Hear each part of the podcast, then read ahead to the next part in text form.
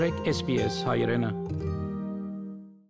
Australia is gradually moving to COVID normal. Restrictions are easing, and if in a few weeks' time international travel will resume, Dr. Zareh Ghazarian, senior lecturer at Monash University, is with us to give his views on the current situation. Dr. Ghazarian, welcome to SBS Armenian. Thank you for having me, Vahe. Uh, Dr. Ghazarian, how are states and territories moving towards uh, COVID normal, and are states and territories making their own decisions or following the national plan? What we're seeing at the moment, Vahe, is the states really taking their own approach to dealing with COVID. Um, and we've seen that this is something that states have been doing over the last couple of years now. Um, they have been able to really demonstrate the power that they have over people's lives. For example, by setting times when people can move around, um, what people can or can't do. So this has really reminded us of how powerful states are. In terms of how they're going about this, um, there's an element of politics and policy, I suspect, in what we are seeing, especially in how states such as Queensland, um, Western Australia, and Tasmania have gone about um, managing COVID. Because, of course, when we look at um, the policy element of this, in these states, they're very concerned about high infection rates and what this would mean in terms of hospitalisation. But in terms of politics, we can see that in these states, um, the governments that took fairly strong lines and, and a very strong approach to blocking uh, people coming into their state, these governments were rewarded at the election by being elect- re-elected very comfortably. So there's an element of politics and policy at play here. Victoria, obviously, and New South Wales are starting to open up now, and we'll see how this uh, plays out uh, leading into Christmas with the expectation that there's going to be um, greater opportunities, economic opportunities, and as well as a bit more freedom for people to move around. Why all states and territories haven't opened to each other yet? Uh, because of the state's politics, as you just mentioned? There is an element of that because when we look at how the public, the electorate, is responding to premiers and governments that are maintaining a very hard line, we can see that there's still very good support, very strong support for these governments and for these premiers. In Victoria, for example, um, the Premier continues to enjoy strong popularity. In Queensland, in Western Australia, and Tasmania, where there was an election over the last 18 months, um, these governments um, increased um, their popularity and were able to hold on to power comfortably. So I, I do think that there is an element of politics that's working here. It reminds us of uh, before Federation in Australia, uh, before 1901, when the states, which were of course back then colonies, were able to set um, the rules and were not in any way uh, linked to any national level of government because the national level of government didn't exist. So it reminds us of how um, colonial politics was concerning how these jurisdictions could set their own rules. The Nationals on the weekend, in principle, supported net zero emissions by 2050. Uh, what Nationals were asking in return for the agreement, and was there a trade off? This is a very interesting development in national politics because, as we know, climate policy, climate change policy, environmental policy has been um, something that has been a continued problem for all national governments really over the last 15 or so years. What we saw over the weekend was the National Party now agreeing to support the, the Liberal Party in this idea of having a net zero emissions strategy for 2050.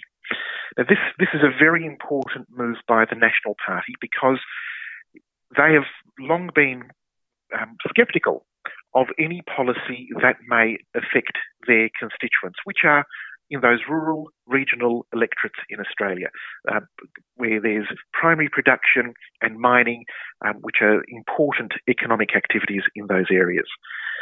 What the Nationals have now said is that they will support, in principle, the uh, Liberal Party, and in doing so, the Nationals have ensured that they will now be in the decision making process rather than being outside of that process.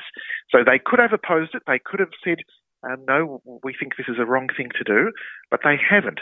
And in, by allowing that dialogue to open up, by being in that decision making room themselves, the Nationals are now in the driver's seat to shape what this policy will look like. And this is going to be something that we'll see develop over the coming weeks and, of course, over the coming months.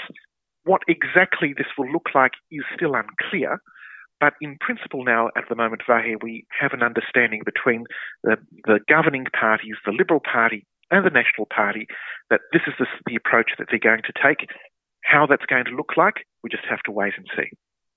Mm. So, is there a national agreement now for net zero emissions in Australia, or different political parties have different views on it? I think there are still some differences. And, and again, because this is such a large policy area, there's always going to be some variation in how the parties approach uh, tackling this problem. But I think when we look at how um, the major parties are going, and when uh, when we look at the national level of government, and then when we look at the state levels of government, we can really see a lot of the work that's being done at the moment in terms of uh, climate change policies being done by the state governments themselves. And this is done through things such as, for example, um, uh, state governments uh, putting incentives for people to buy electric cars rather than uh, petrol or diesel cars. Um, for state governments, for example, to uh, ensure that they install renewable electricity supplies for government facilities such as schools and hospitals. So state governments have been really doing much work here, um, but of course the national government, um, we're looking at the national government in terms of setting a national framework. But over time, that's going to be clearer and um, is something as um, as an issue that's been bubbling along for the last 15 years. Um, the economy, uh, industry, and consumers will be looking at what this policy will mean for them. The UK, US, and Australia Security Pact made the headlines for weeks last month but has died down. Has the matter settled now, or it might flare up again?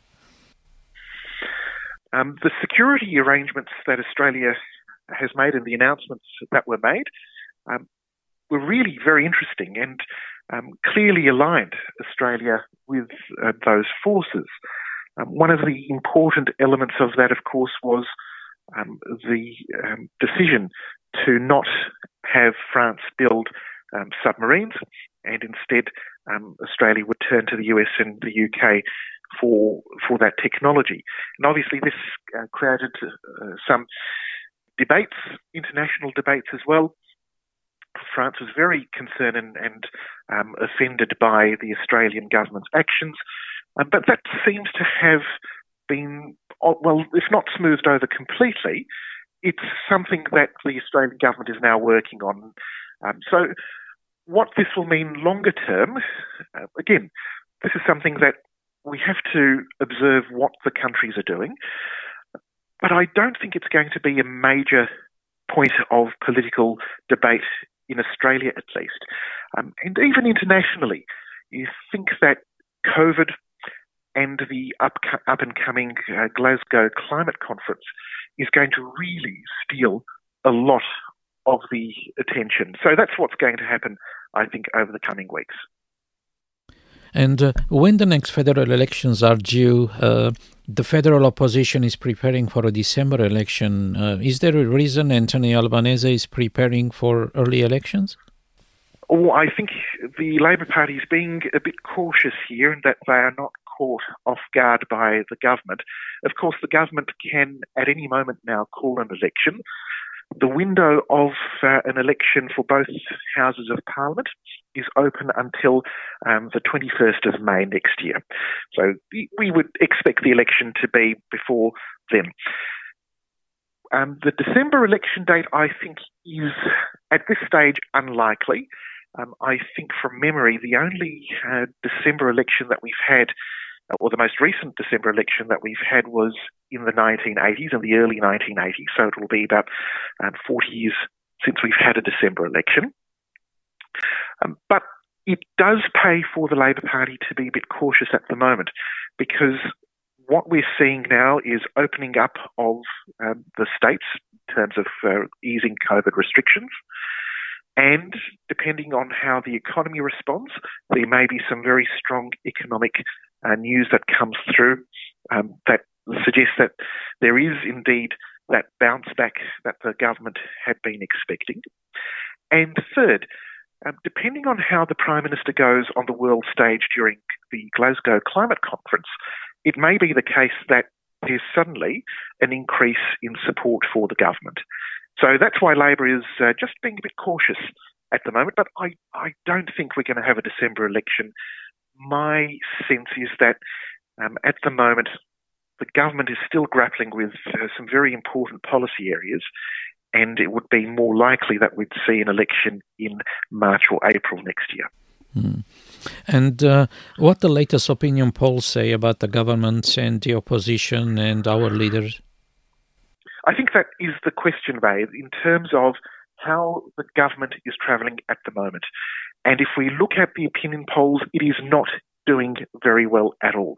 Um, if we look at the news poll, for example, that came out this week, um, the satisfaction with the Prime Minister is down. But more importantly and, and more concerning for the government is that its primary vote for the coalition is down. Um, to put this in comparison, in October last year, the primary vote for the coalition was 44%. This week, it's down to 35%. Um, so this is a significant downturn. And when we look at the very important um, Newspoll of two party preferred, um, we see that the coalition is now down to 46% to Labor on 54%, suggesting that if an election was held today, Labor would win very easily. So this is a, a hugely problematic um, trend that doesn't seem to be changing um, for the government. And when we look at the sorts of um, performances that it's it's had, this is the lowest level of support it's had since 2018. So this, at the moment, is pretty bad for the government, and that would suggest to us that they're not going to rush to go to an election anytime soon. Um, Dr. Zareh, thank you for your time and uh, for sharing your views on the political situation in the country. Thank you so much for having me, Vahid. Our guest was Dr. Zare Ghazarian, Senior Lecturer at Monash University. Հավնե, լայք, բաժնեկցե, դարձիկը թայտնե, հետևե SBS հայրենին թիմադեդի վրա։